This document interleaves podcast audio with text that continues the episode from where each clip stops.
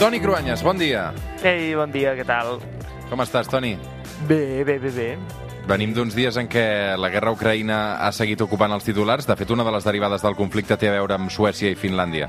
Sí, han demanat ingressar a l'OTAN. Són, són dos països, justament, amb un pacifisme tan arrelat històricament. Han servit de mediadors en conflictes històrics. Diuen que el 24 de febrer, amb la invasió d'Ucraïna, Vladimir Putin ho va canviar tot. Our wartime strength of the defense forces is 20, uh, 280,000 troops. And the Aquest és el ministre de Defensa de Finlàndia, un país on més del 70% de la població ara sí està d'acord a formar part de l'OTAN. Clar, la sensació de por està provocant una onada de militarisme a llocs que fins ara doncs, semblaven impensables. I això coincideix avui amb el Dia Internacional de l'Objecció de Consciència. I de fet també coincideix amb els 20 anys del final del servei militar obligatori a l'estat espanyol. Suposo que a tu, Toni, ja no et va tocar, no? Jo no vaig fer el servei militar uh, obligatori perquè em vaig eh, lliurar de molt poquet. Vaig... Te'n vas escapar, vés a saber com, no? no, fa 20 anys... Fa... Digues, digues, digues. No, no, dic això, ara dius, no fa 20 anys, no? Doncs mira, fa 20 anys que m'hauria tocat. fa 20 anys que t'hauria tocat perquè fa 20 anys que uh, no hem de fer la mili, Toni. A veure, a, classe havíem estudiat sempre la història de les grans batalles, no? Les classes d'història sempre estan carregades d'exèrcits, guerres, generals... Bé, doncs avui veurem que des de fa segles hi ha hagut qui s'ha oposat a la resolució de conflictes a través de les armes.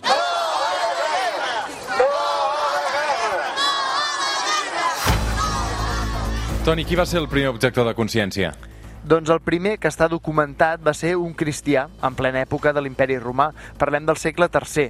Era Maximilià de Tebassa, que és una ciutat de l'actual Algèria. Ell era un ciutadà romà, va ser cridat a les files perquè el seu pare ja era militar, però ell va dir que no per la seva condició de cristià. I per això el van decapitar i després l'Església Catòlica el va considerar un màrtir i un sant. A Espanya els primers objectors de consciència ho van ser per motius religiosos. Sí, a banda d'aquest eh, capítol concret que hem parlat ara de, de, de l'imperi romà, en realitat és molt difícil establir el que és eh, un objector de consciència perquè és un element molt sofisticat, diguem, eh? però sí, almenys a la història moderna hem de dir que a Espanya els primers van ser testimonis de Jehovà, perquè durant el franquisme el servei militar era obligatori per tots els homes. Negar-se a fer-lo volia dir sis mesos de presó i després igualment s'havia de fer o et tornaven a posar a la presó. I això és el que li va passar a Jesús Martín Noales. Estem parlant de l'any 1958. Va ser el primer que es va negar a fer la mili per motius religiosos, perquè els testimonis de Jehovà rebutgen l'ús de les armes o també rebutgen la salutació a símbols nacionals, o sigui que també estan en contra d'un altre dels clàssics de la mili obligatòria, la jura de bandera.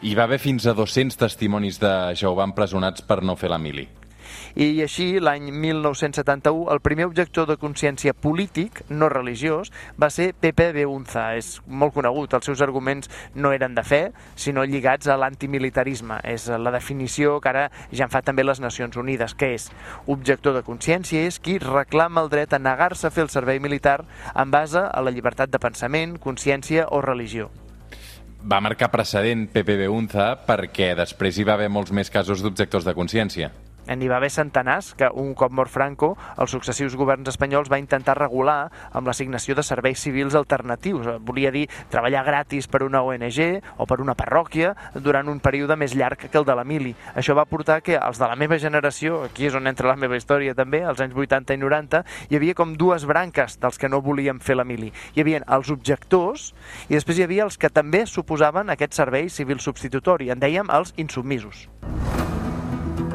Clar, tu per edat eh, t'hauria tocat fer la mili. Sí, els que estudiàvem ens era fàcil demanar una pròrroga i després una altra pròrroga i així anàvem evitant la mili. En aquells anys, de fet, hi havia tanta demanda d'aquests serveis civils substitutoris que es veia venir que la mili tenia els dies comptats per pacifisme, però, però també per altres motius polítics.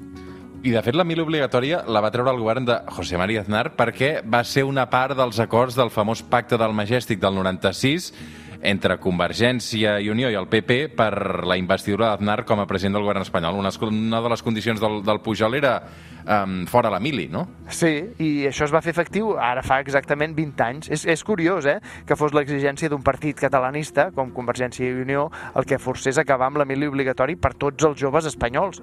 Algun diputat de l'època, com Carles Campuzano, van pressionar molt Jordi Pujol perquè fos així.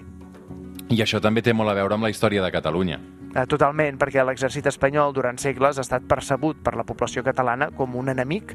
Ja la guerra de successió tenia darrere fons que els catalans no volien pagar ni col·laborar amb l'expansió de l'exèrcit castellà a través de la Unió d'Armes. Eh, estem parlant aquí això de guerra de successió del 1714, fins i tot abans la guerra dels segadors.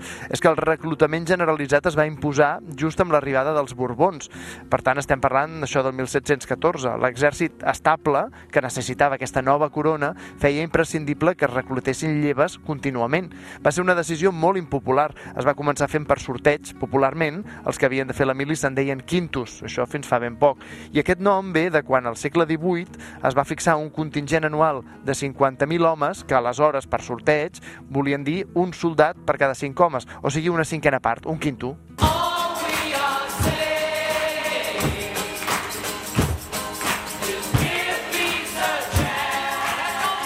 Això és l'himne antimilitarista per excel·lència, el Give Peace a Chance del John Lennon. Home, l'ambient contra la guerra del Vietnam als Estats Units va influir molt en la insubmissió i els moviments pacifistes de Catalunya en aquella mateixa època. Per sort, ja es va acabar i, de fet, ara quan parlem d'objecció de consciència ens referim a altres situacions molt més concretes en àmbits professionals, com, com la medicina o fins i tot el periodisme.